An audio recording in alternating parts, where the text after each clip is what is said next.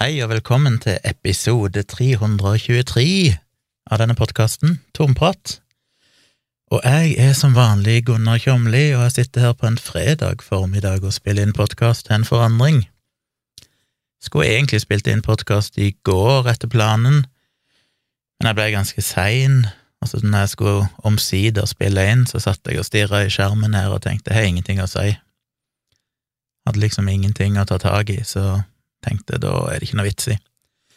Men da la meg på senga og begynte å kikke litt gjennom eh, RSS-feeden min, og kikke gjennom nye artikler som var kommet, så, så dukka det opp et par ting som gjorde at jeg plutselig hadde noe å si, så da tenkte jeg å spille inn en kjapp, liten podkast for å se hvor lang han blir. Grunnen til at jeg spiller inn nå, egentlig på jobb, men jeg sitter og venter på en eh, Jeg jobba nå i ukevis, helt siden begynnelsen av desember, som jeg har nevnt tidligere, med en stor oppgradering av Newsflow. Og den uh, utvikler seg stadig. Kom aldri helt i mål, fordi at jeg hele tida kommer på nye forbedringer, som er en god ting. Jeg er liksom alltid glad at eh, Å, fuck, jeg er glad jeg ikke liksom fullførte det og rulla det ut for tre uker siden uten å ha fått med det jeg har gjort nå. Så nå er jeg jo plutselig, eh, de siste dagene, eller i går egentlig, ja, det var vel egentlig bare i går, så lagde jeg en ny funksjon bare for å må liksom ha nye ting i Newsflow, og én ting et par uh, aviser har etterspurt, er jo muligheten til å ha sånne previews av videoer på forsida, sånn som NRK, VG og andre har. For du kan jo, Newsflow håndterer jo video veldig greit, du kan enten bruke eksterne videoer, bare legge inn en YouTube eller Vimeo eller Facebook eller et eller annet sånt, URL-en til en video, og så vil han automatisk embedde den. Men vi har jo vårt eget videosystem der du kan laste opp videofiler i Newsflow, og så blir det prosessert og konvertert til sånn strømbart format i forskjellige kvaliteter som tilpasser seg automatisk den båndbredden som eh, seeren har, og sånn.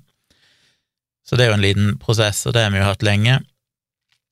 Men eh, hvis du har en video på ti minutter eller noe sånt, så kan du selvfølgelig legge den ut i avisen og, og bruke den på forsida av avisen, så folk kan spille den av og se den. Men hvis du gjør den avspillbar på fronten, så kan jo folk se hele videoen uten å klikke seg inn på artikkelen, og da mister de jo på en måte en sidevisning, så det er jo ikke så kult.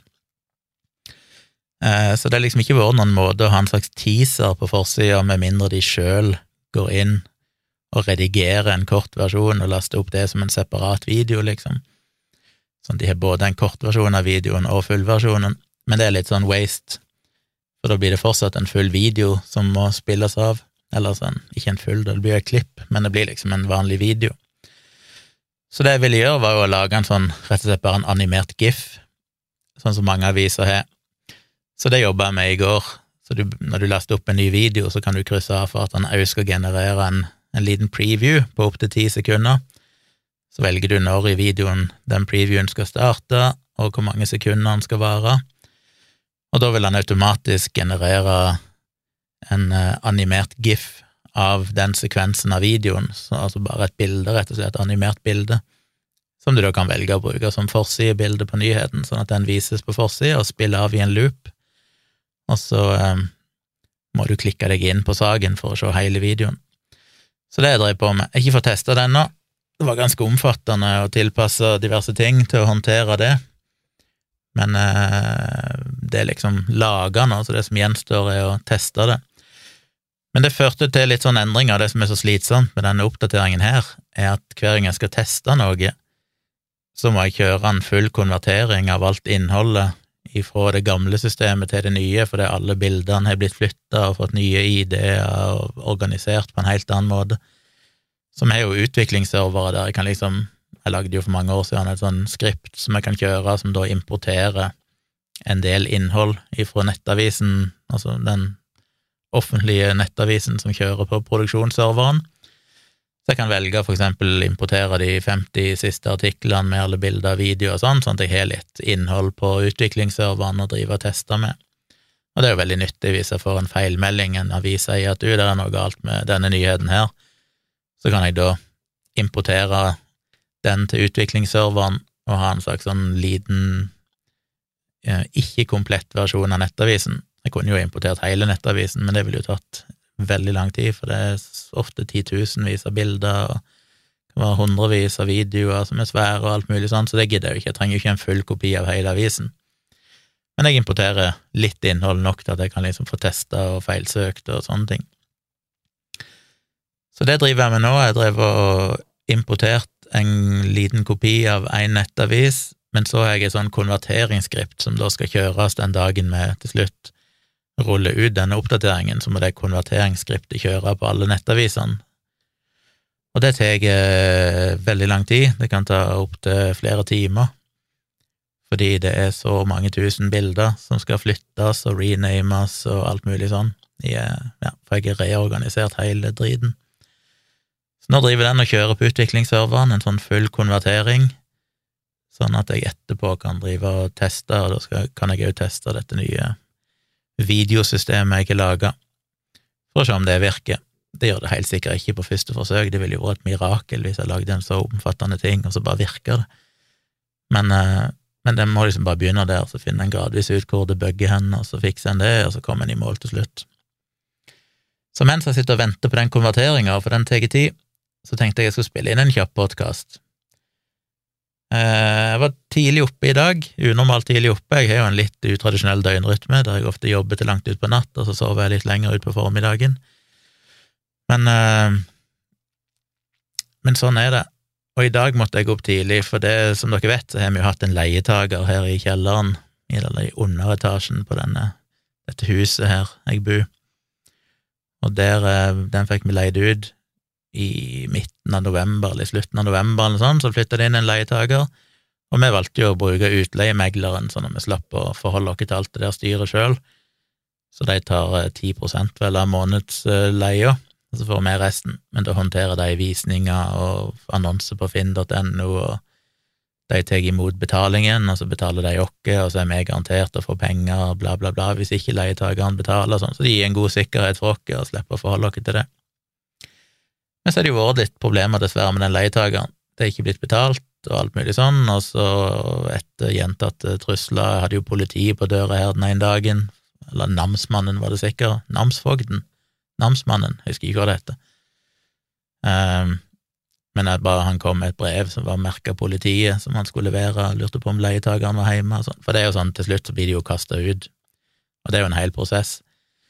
Så i dag var egentlig utkastelsesdagen, og da er jeg pålagt å møte opp, det vil si, jeg fikk en mail fra utleiemegleren der det i mailen sto at jeg var oppfordra til å møte, mens i vedlegget, som var et brev fra namsmannen, der sto det at jeg var pålagt å møte, så jeg var litt sånn usikker.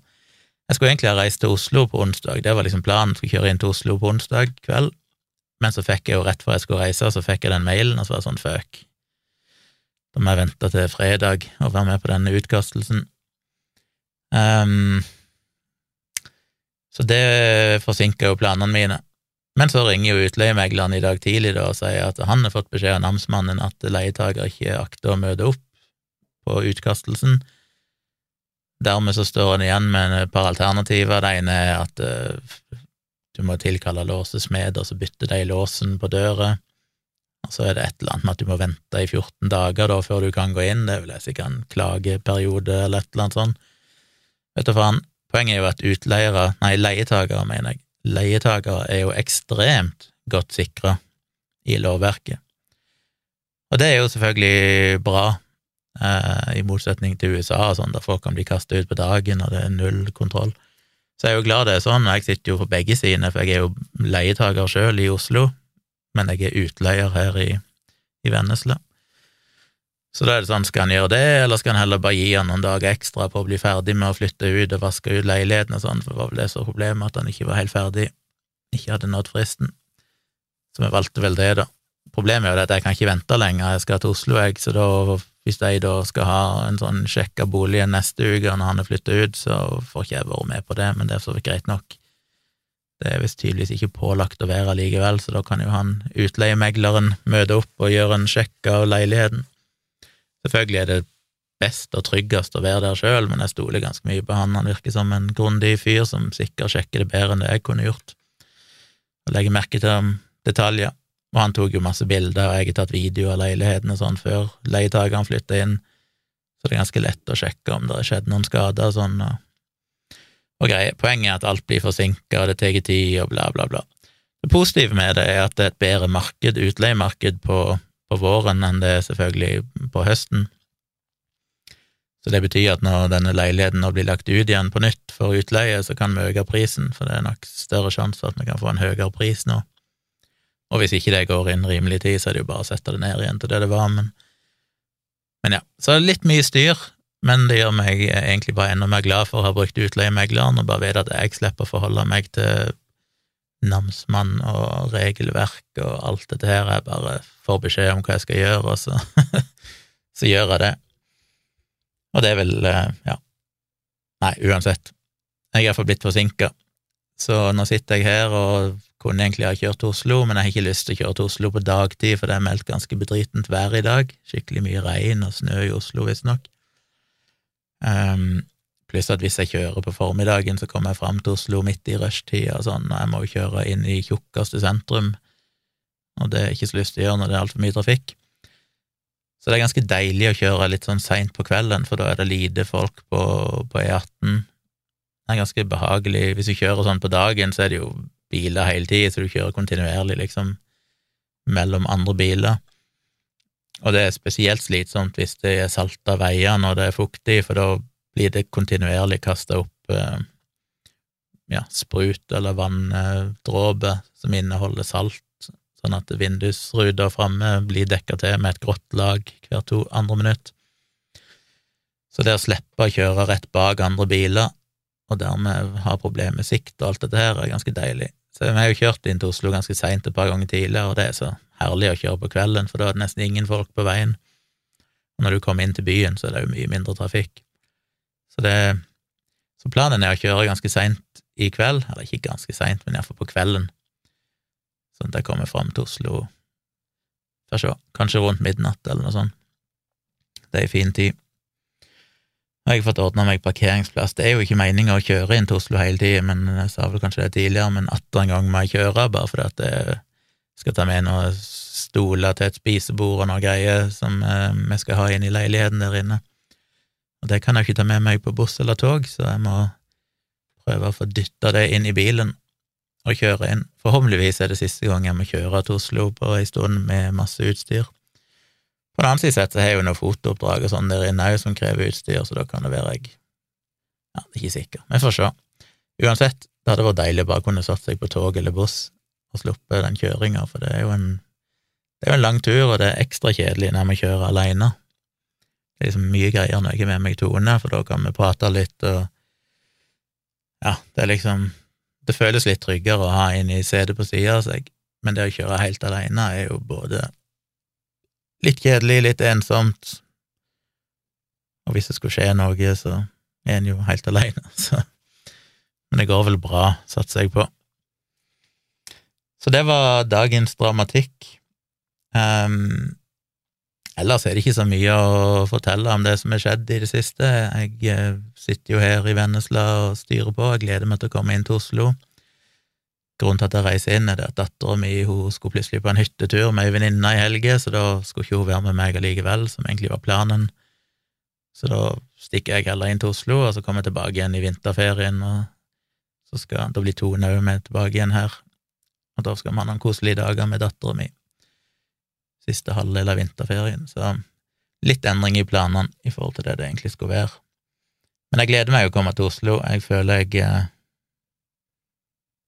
blir misunnelig på Tone når hun får snaps eller ser seg Snap-storier eller Instagram-greier hun legger ut hele tida, der hun er på kafeer og går rundt i byen, og, og her sitter jeg. Store høydepunktet for meg var at jeg oppdaga at det var, fantes en ny sånn pizzasjappe tydeligvis i nærheten her som leverer innen en halvtime. Må teste ut det neste gang jeg er her alene. Få pizza på døra. Eh, men sånn er det. Jeg kom over et par artikler. Før jeg gjør det, så vil jeg bare snakke om en greie som som er litt sånn weird, og som jeg er litt sånn skamfull over. Eh, her tilbake igjen for nesten et år siden, eller mars-april eller noe sånt i fjor, så fikk jeg plutselig en eh, DM, altså en, en privat melding, på Instagrammen min fra ei ung jente som bare skrev at hun likte Virkelig grusomt-podkasten så godt, hun var så fan. Og jeg må si jeg får alle mine paranoide pigger ute når, når ei ung jente kontakter meg, fordi etter all den hetsen jeg har fått opp gjennom årene og beskyldninger om alt mulig rart, så er jeg sånn alltid 90% sikker på at hvis ei ung jente plutselig skriver til meg, så er det noen som prøver å lure meg opp i stry, liksom de skal prøve å se om jeg skriver noe, et eller annet som de kan bruke. Sikkert helt irrasjonelt, men en blir jo ganske skada når en er blitt utsatt for så mye hets, så blir jeg sånn livredd for å i hele tatt se i retningen av noen som er under 18 år, liksom. I tilfelle noen skal tenke sånn 'Å, se han er tjomli', ja. Jeg, jeg ble liksom bare umiddelbart skeptisk. Men jeg svarte ganske nøytralt og bare liksom sånn 'ja, hei og hallo', og, og syntes det var hyggelig at hun likte podkasten og sånn. Og så begynte hun å skrive noe mer om at hun hadde lyst til å treffe oss og sånn. Og da ble jeg enda mer skeptisk, for det er sånn, ja, det er noen som vil ei ung jente skal treffe meg, liksom, det høres jo shady ut. Eh, men så var det jo, kom det vel fram at hun ville treffe Tone òg, så det var litt sånn ok, da er det kanskje, jeg vet ikke. Og så spurte jeg hvor gammel hun var, så sa hun at hun var 15 år gammel, og hun hadde, eller hun bodde, hun var på sykehus på det tidspunktet, tror jeg, og hadde bodd i Gjerdrum der som det raset skjedde for Når var det? Er det ett år siden? To år siden? Litt over ett år siden, eller noe sånt? Nei, to år siden. Jeg husker ikke helt. Det der raset, iallfall, tragiske raset som drog med seg masse hus, og det døde jo en ti-tolv personer. Helt forferdelig. Hun hadde mista en klassevenninne i det raset, og hun bodde rett på sida der det raset hadde vært. Men hun, så hun sleit veldig mye, visstnok mentalt, og hadde mye traumer, gikk i traumebehandling, og podkasten vår hjalp henne visstnok, og bla, bla, bla. Og så fant jeg ut hun hadde skrevet til Tone òg, og jeg husker ikke hvem av oss hun skrev det til, men jeg tror det kom fram at hun òg hadde mista foreldrene sine, hvis jeg ikke husker feil. Så for meg ble det sånn veldig mye sånn ok, hun har mista foreldrene, hun har mista bestevenninna si i det raset, hun går i traumebehandling. Det fremstår liksom bare som at dette var veldig mye, og så kom det fram, det skrev hun vel ikke til meg, men det skrev hun til Tone, at hun var på sykehuset for hun hadde leukemi, tror jeg, hun hadde kreft. Og det ble liksom enda en ting, sånn ok, hvor mye skal denne jenta liksom måtte håndtere? Det, så du får litt sånn følelsen av er dette noen som bare sitter og dikter opp en hel haug med tragedier fra det de vil ha oppmerksomhet og sympati? og så snakker hun om at hun drev og skrev ei bok om sine opplevelser, og den skulle komme ut i september i fjor, da. Eh, og den skulle sende til oss når han kom, og et eller annet sånt. Så ville jeg gjerne treffe oss begge to og sånn. Men for det begge to, jeg tror Tone òg ble veldig skeptisk når hun fikk de meldingene, for det bare følte, det var et eller annet med det som bare følte sånn, kan dette virkelig være sant? At vi begge svarte hyggelig og, og ga ikke uttrykk for at vi var skeptiske, men bare sånn tenkte sånn, ja ja, vi får svare hyggelig, og så så får vi se. Og så skrev hun vel noen meldinger, jeg tror siste meldingen jeg fikk av henne var en eller annen gang i fjor høst, og Tone fikk vel òg meldinger, hun fikk noen mer meldinger, men jeg har ikke sett de meldingene, hun har bare fortalt noe om noen av de. Eh, det var vel der, som sagt, hun fikk vite at hun var på sykehus med, med, kreft og alt mulig sånn. Og så tenkte, så snakket vi om det her for en, rett før jul, eller sånn, når vi kjørte hjem fra Oslo, så husker jeg vi begynte å snakke om hun og sa litt hva hun hadde skrevet til oss, og at begge to var skeptiske og sånn, og vi var veldig usikre og litt sånn Hva gjør vi, for hvis det er sant, liksom, hvis hun faktisk er på sykehuset med kreft, så, jo, så burde vi kanskje ha besøkt henne hvis hun syns det liksom er stas, hvis hun var så fan av podkasten og sånn. Men så er det liksom ikke blitt noe mer fordi vi bare var usikre. Og så plutselig, så her for noen dager siden, så fikk Tone plutselig en melding på sin Instagram der det bare sto at uh, denne jenta døde i går, og hun hadde vært veldig fan av podkasten, så hun ville bare si ifra om det, og så var det signert med et annet navn, da, som jeg ikke vet hvem er. Og da sitter en jo bare igjen og tenker sånn, ok, um, igjen, er det òg en del av scammen? altså, det er en måte på hvor paranoid en skal bli, for det er jo egentlig ingen grunn til å tenke at det var noe lureri, det bare virka så over the top, hele greia. Liksom, hvor mye tragedier kan du ha i livet ditt på en gang? 15 år gammel, mista foreldrene sine, mista bestevenninna si, se hele nabolaget forsvinne i et ras, og så havna på sykehuset med kreft, og så da til slutt dør det. Jeg vet ikke. Og så har jeg da prøvd å finne ut hvem hun var. Hun hadde jo et navn på Instagram som var litt sånn japansk inspirert, og hun så noenlunde sånn asiatisk ut, sånn halvveis asiatisk, kanskje. Veldig nydelig ung jente. Og så googla jeg litt og prøvde litt forskjellige varianter, så til slutt så fant for, så spurte hun jo her i fjor om hun kunne følge meg på Facebook, og jeg sa sånn ja, det må du selvfølgelig bare. Så da begynte jeg å gå gjennom følgerne mine på Facebook og søkte etter det navnet, og så fant jeg ei som hadde et litt annet navn, men som åpenbart var samme person, for når jeg kom inn på den profilen, som var nesten helt tom, så var det noen bilder som var samme jente, men han veldig tom profil, var ikke mye som var posta der, som òg alltid gir meg litt sånn skepsis når du har folk som For det har jeg jo opplevd før, folk som eh, oppretter sånne halvtomme eller sånne profiler bare for å underbygge at de er en ekte person, men så ser du ganske fort at denne her profilen er jo egentlig ikke en skikkelig profil. Uh, og så fant jeg, når jeg googla navnet, så fant jeg kun én post, liksom, og det var at hun hadde skrevet inne på ei sånn minnegruppe på Facebook om ofrene etter dette Gjerdrum-raset. Da var det skrevet en post om uh, samhold og bla, bla, bla. Som jo selvfølgelig er underbygger det at hun faktisk hadde noe med, med det raset å gjøre, at hun ble indirekte ramma av det. Så det hun, jo, hun, var jo ung, og unge folk er jo ikke særlig på Facebook, så det er ikke sånn unaturlig at ikke hun var så veldig synlig der, at hun kanskje bare hadde en profil, men egentlig ikke brukte den noe særlig, og generelt sett var ganske usynlig på nettet, for det når du er så ung, så er det ikke som egentlig ikke masse greier om deg når du googler folk. Så vi syns jo det hele er litt sånn vanskelig, for det, vi føler oss jo litt sånn dritt at vi var så skeptiske, og kan, ja Hvis det virkelig var sant, at det virkelig grusomt betydde så mye for henne, sånn, så føles det jo skikkelig dritt å ikke ha gått og besøkt henne på sykehus eller et eller annet mens hun fortsatt levde. Og samtidig så klarer jeg ikke å kvitte meg med følelsen av at sånn, er dette er dette sant? Er dette en ekte person, eller er det en eller annen psyko som bare finner et eller annet morsomt med å bare dikte opp sånne ting for å få oppmerksomhet, eller Så jeg vet ikke. Um, vanskelig. Det er noen som holdt på å si, det er noen som kan eh, som kjenner folk i det området Jeg vet jo at det er en som ser på Jeg kommer ikke på hvem det er, men en som har sett på livestreamene mine, var jo sjøl et offer i det Gjerdrum-raset og mista huset sitt eller et eller annet.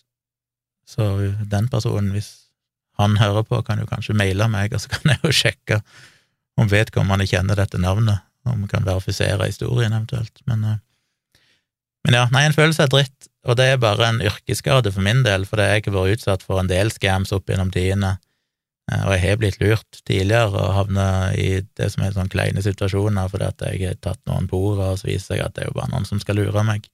Så jeg er blitt veldig, veldig paranoid på nettopp det. Det er jo nok av folk der ute som er, vil liksom ta meg for ting, eh, fordi de hater meg av ulike grunner, og da må han være litt på vakt. Hadde jeg ikke vært eh, den jeg er, men bare en person, holdt på å si, som ikke hadde opparbeida seg en, en hat, uh, hatfanskare, heter det det, på nettet, så hadde jeg sikkert ikke vært så paranoid, hadde jeg bare tatt det på ordet og, og sånn, men, men sånn ble det. Og jeg er eh, ambivalente følelser rundt hele greia nå. Men eh, vi kommer vel til å dedikere neste virkelig grusomt til henne. Uavhengig av all skepsis har vi ingenting å tape på å velge å anta at det var sant, og i så fall iallfall som et lite minne kunne dedikere den episoden til, til denne jenta, selv om det betyr selvfølgelig lite hvis hun faktisk er død nå. Så det var litt om det. Over til noe mer uh, hyggelig, holdt jeg på å si, i den grad en kan si det hyggelig.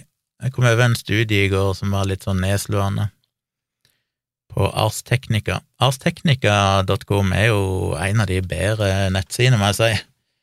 Jeg trodde vi jo alltid, og det er jo i stor grad en sånn tech-nettside, altså handler mye om teknologi, men de har jo mye om politikk og, og vitenskap òg.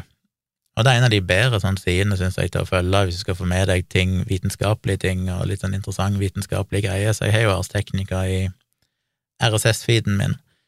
Og en av artiklene som dukket opp i går, var, hadde tittelen Controlled experiments show MDs dismissing evidence due to ideology. Og dette er selvfølgelig i USA, så en vet jo ikke hvor generaliserbart det er til norske leger eller europeiske leger. Men eh, det er rett og slett en studie der de undersøkte Jeg tror det ble gjort Nå har ikke jeg lest originalstudien, og baserer meg i utgangspunktet på denne her artikkelen, men der de tar for seg eh, Jeg har vel inntrykk av at de kanskje har gjennomført på en måte flere sånne små undersøkelser, prøver å vinkle ting på litt forskjellige måter, men de iallfall har undersøkt 600 det de kaller for critical care physicians, altså leger da, som jobber på intensiven, kanskje, eller noe sånt, iallfall leger, da. Eh, og så er det i tillegg 900 ikke-medisinske mennesker, altså bare 900 vanlige folk, som er en slags kontrollgruppe for å kunne sammenligne. Og de har gjort en del studier på dette tidligere, men denne studien ble jo da gjort etter at vaksinene kom på banen, minst et år, det ble gjort våren 2022. Så det var over et år etter at vaksinene mot covid hadde vært i bruk, og de hadde vist seg veldig effektive og trygge og alt dette her. Så det som var hensikten, det var å finne ut i hvilken grad påvirker politisk eh, tilhørighet holdningen til forskning og, og, og behandling hos leger.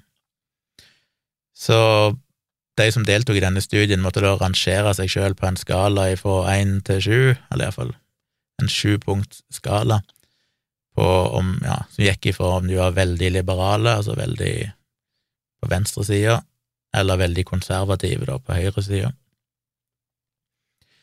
Og så brukte de det da for å sammenligne med seinere svar.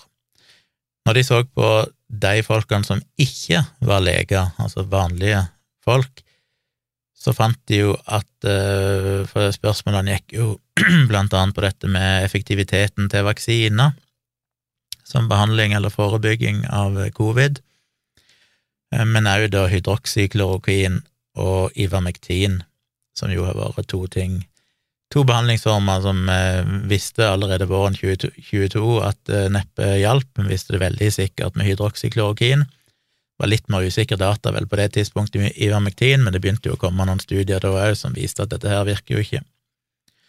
Eh, så det visste en jo da, men høyresida, altså konservative, var jo veldig glad i disse behandlingene, da mye ledet av, av, Trump og sånn, som drev og promoterte hydroksyklorokin. Så vi visste jo at det var en slags, det er vel derfor de har gjort denne studien, og vi visste jo at det blant vanlige folk var en slags bias der, og det fant de jo her, at de som var på venstresida, altså liberals, de hadde mye større sjanse enn de mest, altså de moderate, de som var på midten, til å hevde at vaksiner virka, og det var mindre sjanse for at de ville si at ivermektin og hydroksyklorokin virka mot covid. Mens på den motsatte sida var jo de som var politisk konservative, de eh, var veldig entusiastiske rundt ivermektin og hydroksyklorokin, men ikke så sannsynlig at de hadde noe særlig tro på vaksinene.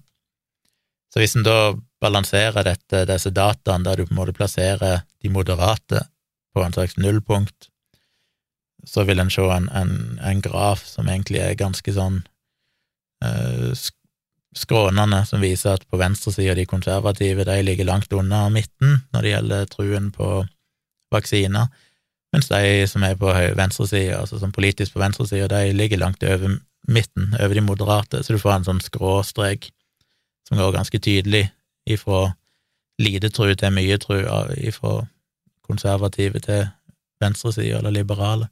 Det samme ser du med ivermektin, så hydroksyklorokin og ivermektin finner du det samme. Og når det kommer til vaksiner, så finner du nøyaktig det motsatte, da, at venstresida er positive til vaksiner, jeg tror på det, mens høyresida er veldig kritiske.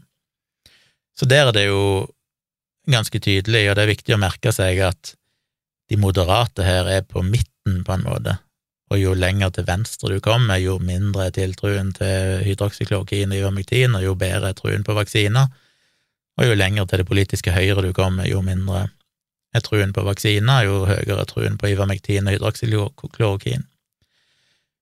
Så det var blant de som ikke var leger. Men når du så på legene, derimot, så var det faktisk litt forskjellig. Det en fant der, var at eh, ifra de moderate legene, de som erklærte seg som politisk moderate, og mot venstresida, så er det en ganske flat linje. De er altså ganske enige over hele linja. Men det er først når du kommer på, på høyresida, altså de konservative, at det går nedover. Ganske betydelig. Men du finner akkurat samme tendensen der, så det du finner, er jo at ifra de moderate og opp mot venstre, de liberale, så er det jo stor skepsis til hydroksyklorokin og ivermektin, men høy tiltro til vaksiner. Så det er ganske jevnt, men så er det en sånn knekk, og så får du plutselig en veldig mistro til vaksiner og en veldig høy tillit til ivermektin og hydroksyklorokin på den konservative sida. Og det er jo litt nedslående.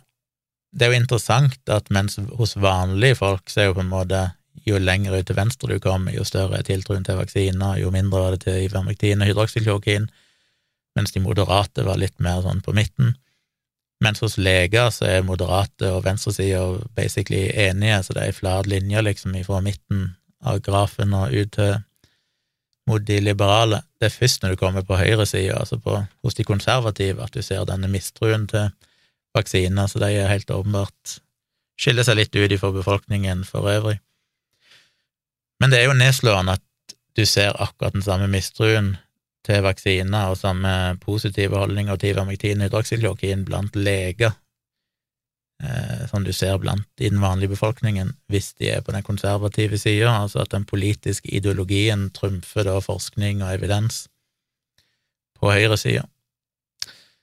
I tillegg så gjorde de en annen studie der de ga legene en uh, vitenskapelig artikkel som helt tydelig viste at ivermektin ikke virka.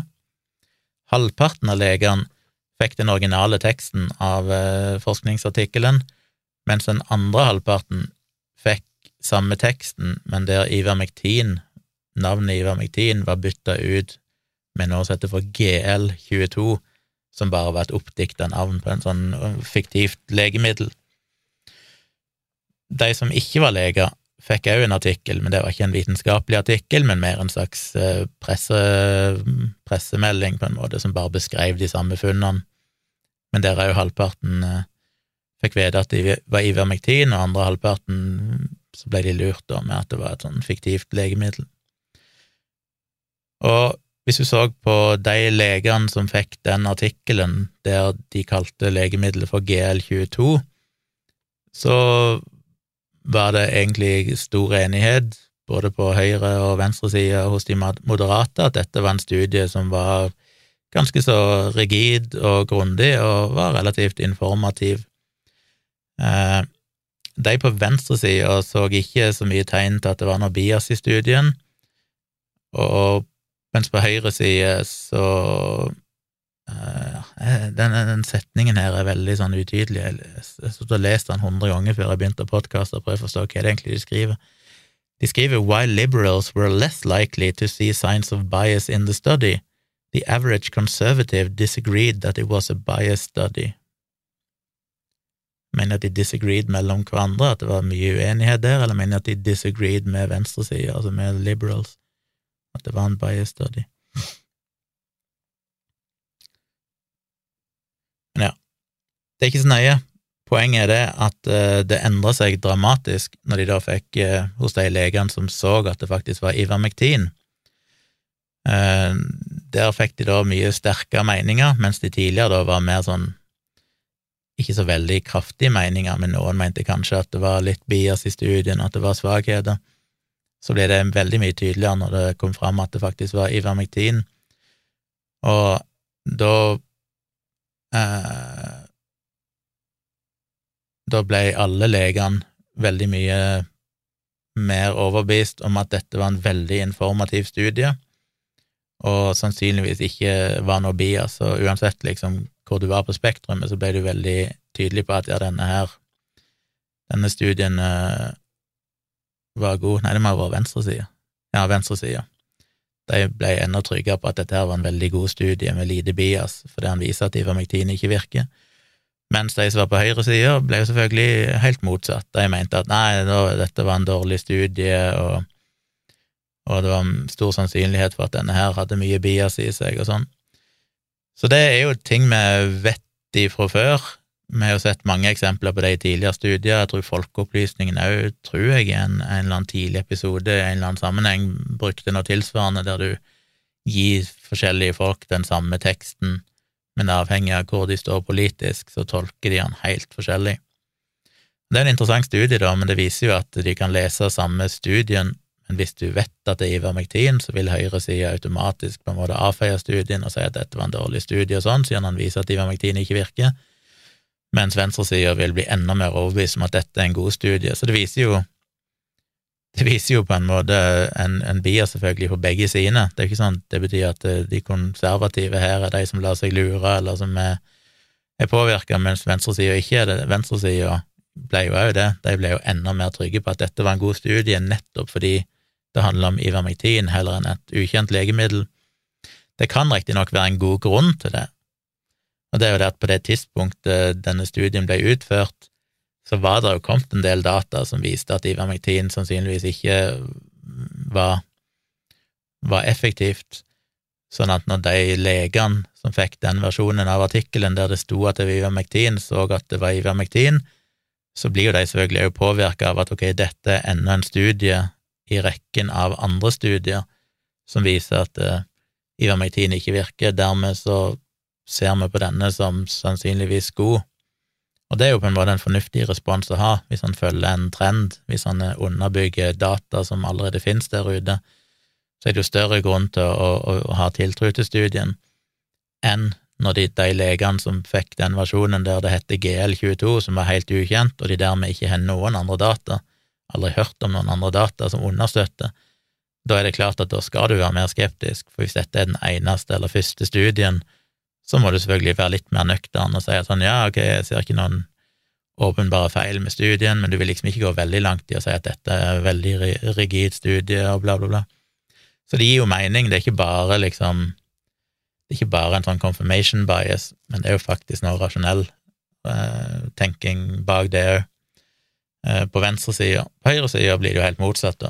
nettopp fordi det, denne studien egentlig bekrefter andre studier som allerede fantes på det tidspunktet så burde de jo på ingen slags måte da ha plutselig avfeid han. De burde jo ha vært ærlige med seg sjøl og sagt at ok, dette er jo dette er jo den trenden dataen om ivermektin viser, og da må vi forholde oss til det, og ikke politisk eh, ideologi. Men ja, det er interessant. Jeg lenker som vanlig til denne artikkelen i shownotes for de som vil lese den, men eh, det er jo litt nedslående at fagfolk da lar seg påvirke på den måten. Selvfølgelig så er jo alle påvirkelige. Det er jo ingen som er liksom Uansett hvor rasjonell og smart du er og sånn, så er vi jo alle påvirka av den biasen. Men en har jo selvfølgelig lyst til å tro at en lege som tross alt, eh, der det står om liv og død for pasientene, skal klare å heve seg over politisk tilhørighet, og bare når det gjelder akkurat jobben sin, liksom, hvordan velger du å behandle folk, anbefaler du vaksine eller ikke? Anbefaler du virkningsløse legemidler til syke pasienter bare fordi at Trump har sagt det. Um, jeg vil en, en, hadde jo håpet at det ikke var sånn, men denne studien viste jo ganske tydelig at uh, den politiske ideologien definitivt slo inn òg når det gjaldt behandling. Og det kan være negativt, selvfølgelig, på alle, alle steder i det politiske spekter. Akkurat i denne situasjonen med covid så er det jo veldig tydelig at det slår ut i disfavør av de konservative, og jeg kommer ikke på noen veldig gode eksempler på at det skulle være um, annerledes med, med venstre, at, det skulle, at venstresida, altså generelt sett, og dette er selvfølgelig farlig å si, for jeg er på venstresida sjøl, og det er mulig jeg har på meg skylapper, men jeg det er vel vanskelig for å se at ikke venstresida generelt sett er mer evidens eller opptatt av vitenskap og følger vitenskapen. Det er jo som enkelte på høyresida har sagt, at det er så jævla vanskelig å kritisere artikler fra venstresida, for de er alltid så jævla faktabasert. og det er jo sant. Det er jo, det er jo en slags uh, vitenskapelig slagside som gjør at venstresida generelt sett er mer opptatt av å forholde seg til vitenskap, mens høyresida er mindre opptatt. Og hvis du er uenig i det og har noen god evidens for det, så må du gjerne maile det til meg på tompratpodkast.gmail.com. Men eh, generelt sett, det finnes sikkert unntak, men generelt sett så er det vel ganske tydelig at høyresida er mer ideologisk drevne og mindre opptatt av evidens enn det venstresida er, og denne studien viser jo det samme, spesifikt retta mot covid. Så det var veldig interessant gjort samme studien i Norge. Jeg vil jo definitivt tro at vi ville sett noe av det samme. Eh, jeg mener, hver gang du ser en eller annen lege som har vært aktiv i debatten de siste tre årene og gått ut mot covid-vaksine eller mot maskebruk eller mot lockdown eller noe sånt, så er de jo alltid eh, på Han holdt på å si de er alltid på høyresida, men det er klart du har jo steigende miljøer og sånn, som jo egentlig er venstre ekstreme, men det er jo denne her hestesko Det er vanskelig å si hva de, de, er, for de er jo både liksom egentlig venstreekstreme, men samtidig så er de vel brukt mye tid på å forsvare mye grums på høyresida i det siste, så det er vanskelig å si. Men generelt sett så er det vel folk som gjerne da òg har en del sammenfallende ideer med høyreekstreme. Det er jo det som er så trist, at de sånn covid-fornektere og sånn, og antitransfolk og sånn, Eh, har jo ideer og promoterer jo ideer nå som er helt på linje med nynazistene. Det betyr ikke at de er nazister sjøl, eller at de støtter nazisme, men ideene deres, ideologien, når det gjelder kjønn og, og likestilling og helsetiltak og alt dette her, er jo akkurat det samme som nynazister og de mest ekstreme på høyresida har drevet og promotert i alle år, og det er jo veldig, veldig nedslående deprimerende når du ser uh, Jevjon og Ellingsen og denne gjengen her helt gladelig bare stille opp i studio på Resett sammen med Erling Martinsen, eller hva han heter, og, og stille opp på Fox News og, og sitte bare og, og lefle seg med disse her ekstreme idiotene og har ingen problemer med det. Det er ikke noe problem at du er en nazist. Altså, Erling Martinsen var jo fyren som skifta sitt profilbilde på Facebook til en tempelridder på hva det, tiårsdagen eller noe sånt til, til 22. juli, og har brukt mye tid på å forsvare ganske grove ting, helt åpenbar rasist og islamofob. Men det er ingen problemer med å sitte og godsnakke med en sånn fyr, så lenge denne fyren er enig om at transpersoner er forferdelig. Så det er det som er så deprimerende, at, at disse her folkene som egentlig ikke er like, i ideologi, og dette er jo igjen noe som jeg skrev om for ja, langt over ti år siden. Jeg hadde en kronikk inne på, på NRK Ytring, husker jeg, som handla nettopp om det, om hvordan høyreekstreme og antivaksinefolk og sånt fant sammen i et felles hat. Eh, folk som egentlig ikke er like, for det er mange vaksinemotstandere har jo vært på venstresida historisk sett, selv om nå er det vel snudd ganske kraftig. Uh, og det er litt interessant at tidligere så var jo egentlig venstresida med litt mer sånn hippieaktige Nesodden-folk og ikke sant, var mer kritiske til vaksiner, mens høyresida var egentlig mer opptatt av vitenskap og det litt mer sånn trygge, tradisjonelle. Og så er det plutselig de siste årene snudd helt. Nå er det plutselig høyresida som er totalt antivitenskap og antivaksiner, mens venstresida har blitt veldig for. Så det, kan, det er ganske interessant at det flipper fullstendig. Eh, nå glemte jeg hva jeg snakket om, men anyway, nok om det. Eh, dere får lese artikkelen og eventuelt dele tanker dere måtte ha med meg på mailen min, som er tompratpodkast.gmail.com.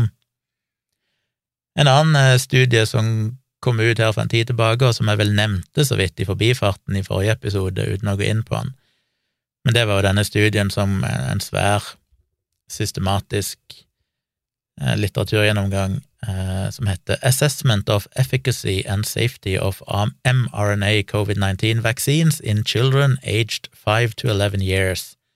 A Systematic Review and Meta-Analysis. Publisert uh, januar 2023, så veldig ny. Og den er da sett på uh, over ti millioner barn i Litt usikker på hvor det er, om det er over hele verden, eller om det er kun USA. Det glemte jeg å sjekke før jeg begynte å snakke. Skal vi se Nei, det har eh, eh, eh.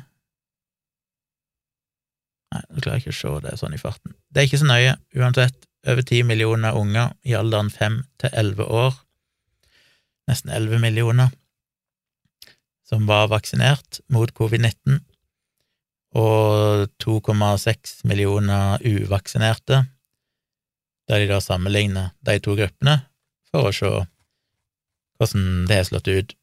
To av studiene var randomiserte, kontrollerte studier, det vil si at ei gruppe har fått vaksine, og ei annen gruppe har ikke det, i en randomisert form. Og 15 av disse studiene var bare observasjonsstudier, da, der de bare følger dataen og sjekke vaksinasjonsstatus i ettertid og sånn, uten at det er en kontrollert, randomisert studie. Og det de da finner, er jo ganske oppløftende sånn sett. Det ene er at de finner at de ungene som har fått to doser med mRNA-basert covid-19-vaksiner, de hadde cirka halvert risiko for å bli smitta, sammenlignet med de som ikke var vaksinerte. Og det er ganske interessant. Her gikk det jo gjennom, eh, gjennom data i slutten av september 2022. Det betyr jo Sånne studier blir jo publisert ganske seint, så det betyr vel at det, de studiene har, har gjeldt unger relativt tidlig, men det tok jo ganske lang tid før vaksinen ble godkjent for unger, så det kan ikke ha vært så nye data heller. Eh, ja, så det er vel fra 2021, sikkert høsten 2021, mye av de dataene kommer. Da hadde jo Her er de tatt høyde for omikron og delta-varianten og litt forskjellig, så, så ja. Eh, en halvering av risiko for smitte, og det er jo ganske interessant, ettersom alle disse vaksinemotstanderne sitter på Twitter og hyler og skriker kontinuerlig om at vaksinen har null effekt mot smitte, og nå vet vi at vaksinene ikke virker, og bla, bla, bla, bla. bla. Studie på studie viser jo at jo, vaksinene virker òg mot smitte. De er ikke steriliserende, det er ikke sånn at du er 100% garantert for å ikke bli smitta, men her finner de da ca. en halvering i risiko hos de som var vaksinert, og det må en jo si er ganske så effektivt. Når det gjelder symptomatisk sykdom, altså at du faktisk får symptomer på covid-19-sykdom, så var det òg ca. en halvering i risiko. Så de som var vaksinert, hadde ca. bare halvparten så stor risiko for å utvikle covid-19-sykdom sammenlignet med de som var uvaksinerte. Når det gjelder risikoen for å havne på sykehus, var det jo en enda bedre effekt. Der var det jo rundt en 70% redusert risiko sammenlignet med de uvaksinerte. Og når det gjaldt eh, sånn MIS-C, altså multisystem inflammatorisk syndrom hos barn, så var risikoen veldig liten. Da var det bare 5% risiko hos de som var vaksinerte, sammenlignet med de uvaksinerte. Så altså 20 ganger høyere risiko hos de uvaksinerte for å få MIS-C, som er en veldig, veldig alvorlig, kan være en veldig alvorlig sykdom. Jeg har jo sjøl en Facebook-venn som skrev om dette tidligere i år, at sønnen hennes plutselig hadde fått covid, og så trodde de han var frisk igjen, og så plutselig så begynte organene å svikte, og han ble liggende på sykehuset i ukevis eller månedsvis, før han til slutt heldigvis overlevde og ble skrevet ut. Han hadde da fått den her multisysteminflammatoriske syndromet etter det som fremsto først som en ganske uskyldig covid-19-infeksjon. Så en ekstremt god beskyttelse mot den sykdommen. Det er riktignok det er sjeldent at det skjer, men eh, hvis du har 20 ganger mindre risiko for at barnet ditt skal få det, så er det jo en god grunn til å gi en vaksine. Sånn som dattera mi har jo fått vaksinen, men hun har bare fått én dose, mener jeg å huske, og det er jo aldri anbefalt noe mer enn det i Norge, vel, men denne studien tyder jo på at to doser ser ut til å være veldig effektivt. Så jeg ville bare nevne det, dere kan jo sjøl, jeg skal lenke til artikkelen hvis dere vil gå inn og og kikke. De så jo litt på bivirkninger, selvfølgelig, og det de fant, at de aller fleste, det vil si 86% av ungene, opplevde en lokal bivirkning. Det vil i praksis si at de sikkert fikk litt smerter rundt stikkstedet og sånn, som jo de fleste får av disse vaksinene, vondt i armen. Eh, omtrent det er faktisk akkurat samme raten både i første og andre dose. Når de sammenligna med placebogrupper, i de kontrollerte studiene, så fant de at det var omtrent en dobling i risiko for å oppleve noen som helst type bivirkning hos de som fikk ekte vaksine, sammenlignet med de som fikk placebovaksinen. Og igjen, det er jo fordi at placebovaksinen vil jo bare være en saltvannsvaksine som ikke fører til noen form for uh, immunrespons i kroppen, mens en ekte vaksinen gir jo en immunrespons som da både kan føre til hevelse og smerte på stikkstedet, at du kan føle litt feber og litt sånn slapphet og sånne ting. Uh, men altså helt ufarlige bivirkninger.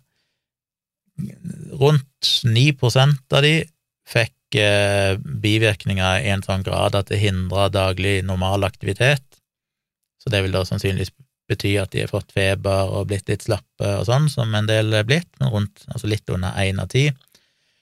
Og risikoen for myokarditt, altså sånn hjertebetennelse, hjertemuskelbetennelse, var estimert til å være 1,8 tilfeller per million vaksinerte, så nesten to per, per million vaksinerte.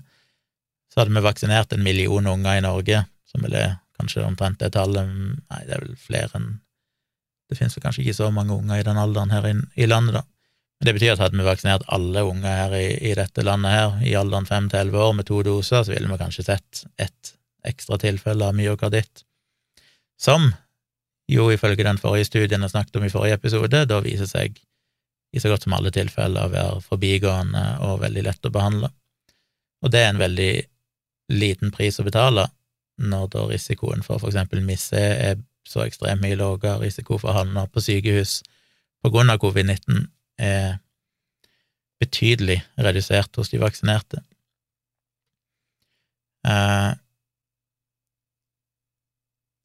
Og det de òg fant, var at uh, alle disse mer alvorlige bivirkningene, altså de nesten ti prosentene som endte opp med å bli litt hindra i sine daglige gjøremål, eh, gikk over etter et par dager.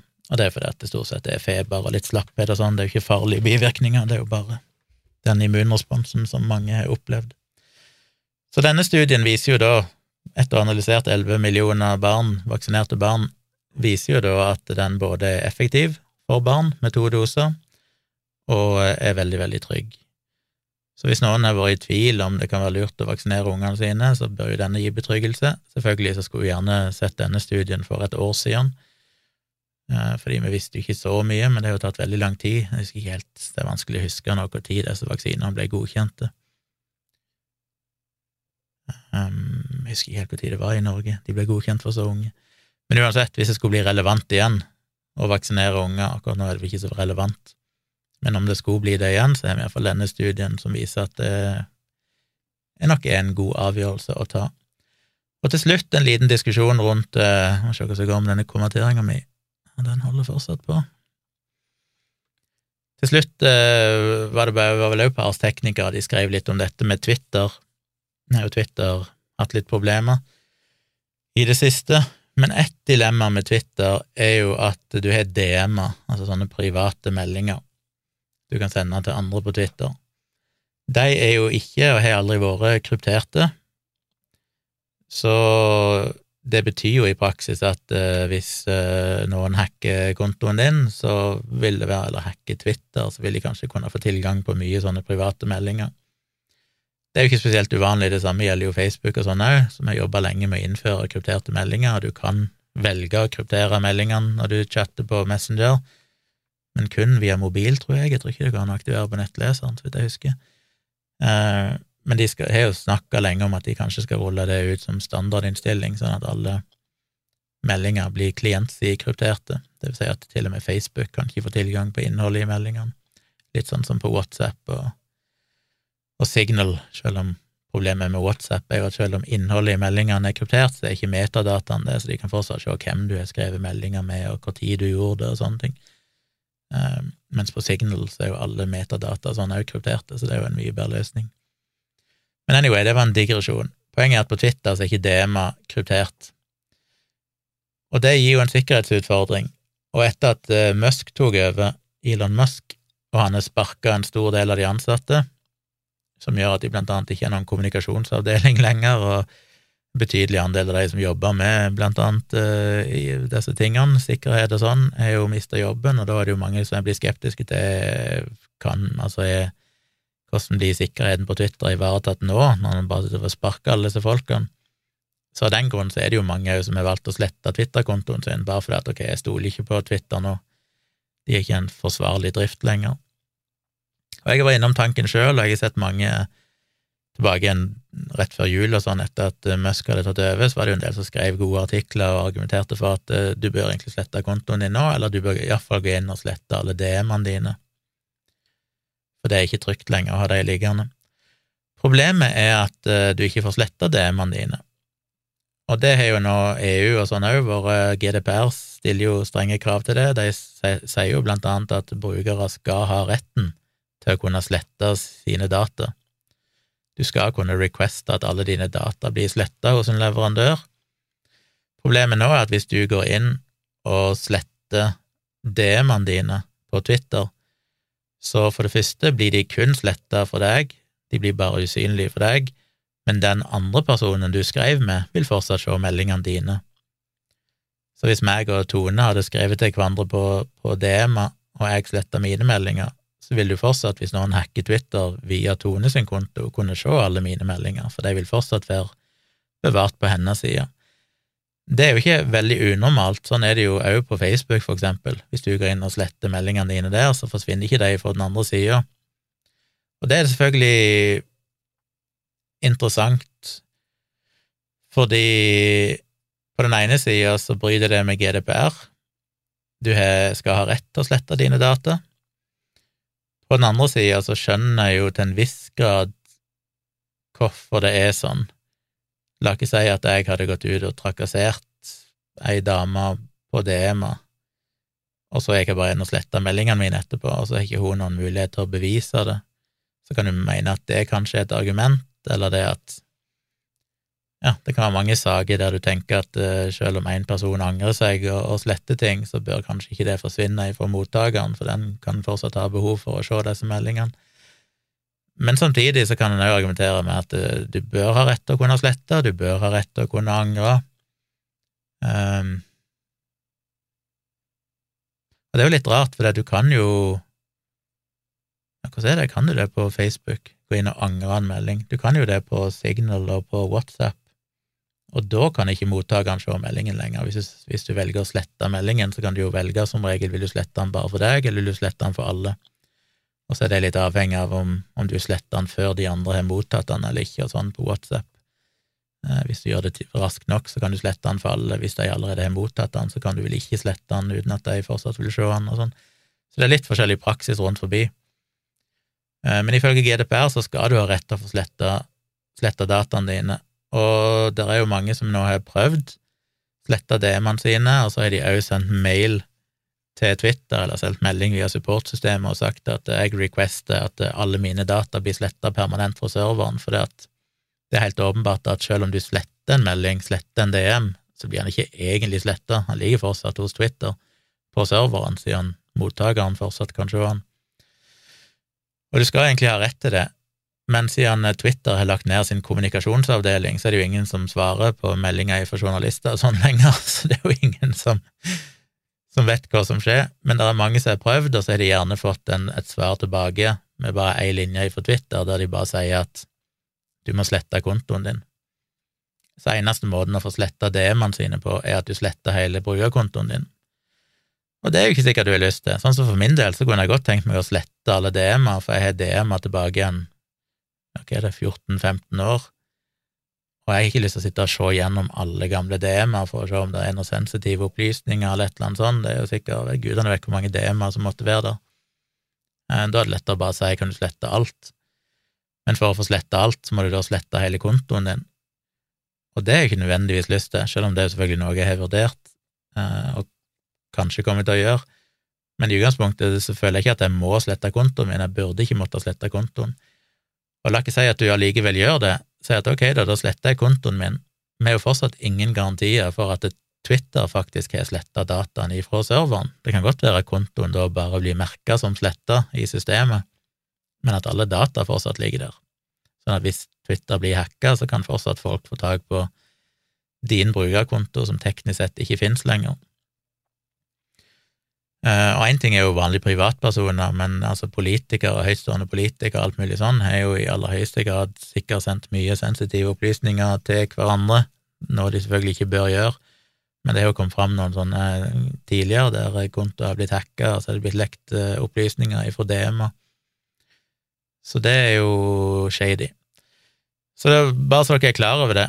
Det er jo det som er dilemmaet med alle disse meldingstjenestene, bortsett fra de som er klientsidekrypterte, sånn som Signal og for så vidt WhatsApp, er jo det at eh, hvis ikke de er klientsidekrypterte, det vil si at de er kryptert på en måte som gjør at til og med de som drifter tjenesten, har ikke tilgang på innholdet, de har ikke noen nøkkel til å dekryptere de, det er det kun du som har. Um, enten du må opprette den manuelt, eller den bare blir generert automatisk og lagra i klienten din på et eller annet vis, så det så har du aldri noe kontroll. Så det er jo kjipt. Mm, det er ikke noen god løsning per i dag. Mm, håpet og målet er jo at EU skal virkelig kjøre på med kraftige bøter mot Twitter nå, og tvinge de til å, gjøre noe, der det blir så dyrt for de at de, de må gjøre noe. Ulempen med det er at du kan jo risikere at hvis EU kjører på med milliardbøter mot Twitter, så kan Twitter gå konkurs, og da kan det jo godt være at Twitter blir kjøpt opp av en eller annen russisk firma eller et eller annet sånt som ikke har Som på aller høyeste grad kanskje bare vil ha tilgang på alle DM-ene eh, og sånn, som gjør det bare enda mer usikkert. Det er jo det er jo litt tricky. Hvis Twitter velger å bare selge ut alt innholdet sitt til noen andre, så er det jo et problem. Jeg vet ikke om det står noe i brukerbetingelsene deres eller noe sånt. Det, som alle andre så har vi vel ikke lest dem så veldig nøye. Så, men jeg skal iallfall lenke til en, eh, en, eh, et skjema i shownotes på ei nettside som heter yourdigitalrights.org. De har en egen, og ikke jeg kikka så mye rundt, men de har tydeligvis en del sånne eh, automatiserte skjema du kan bruke for å requeste at dine data skal bli sletta.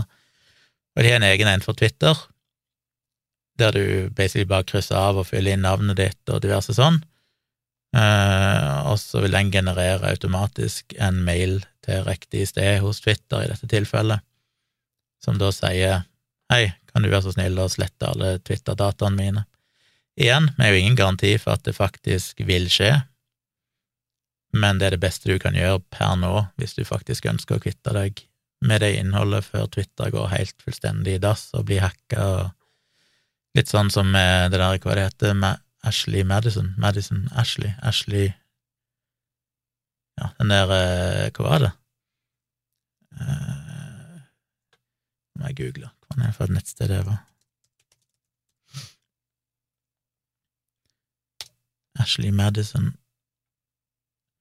Ja, det var vel basically en sånn nettside for å En slags datingnettside for å treffe andre og ha sex med. Litt sånn utroskapsnettside som jo ble hacka for en del år tilbake, og så ble det jo lekka data om tusenvis på tusenvis av mennesker, der det kom fram ja, både politikere og andre som plutselig fikk eh, mange ekteskap som gikk i dass etter den hackinga der, når det kom fram hvor mange menn som hadde drevet og hatt affærer på sida og sånn. Så det er jo selvfølgelig interessant hvis eh, sånne type private meldinger eh, Jeg snakket jo om det, husker jeg, for eh, noen år siden i Dialogisk, dette her med om vi egentlig tenker over konsekvensene av at, hack, at eh, Facebook skulle bli hacka, hvis du plutselig fikk lekka alle Messenger-data på nettet. Eh, holdt på å si ville verden stått til påske, da? da det kom fram så mye grums at det er nesten fantastisk. Og det morsomme er jo at jeg snakket om det i dialogisk What? Det ingen brannalarmen her. Røykealarmen. Jeg må ta en liten pause og kanskje sjekke at ikke det brenner noen plass. I'll be back. Ja, tilbake igjen. Jeg har jo linka sammen røykvarsler, det er fem forskjellige røykvarsler i dette huset i alle etasjene som jeg har linka sammen, så hvis en av de går, så ringer, så hyler jo alle. Og så har jeg en app der jeg kan liksom se alle røykvarslerne. Er en forferdelig crappy app, altså. Den er altså så ubrukelig, men i teorien så kan jeg iallfall se Se om det er lite batteri på røykvarslene og sånn i denne her appen. Men eh, nå sjekker jeg alle de fire røykvarslene her oppe i mine to etasjer. Det er ikke noe røyk her, så det kan jo være det leietakeren nede som driver og flytter ut. Og jeg klarte å utløse alarmen, men den slutta plutselig. Så da regner jeg med at alt er i orden.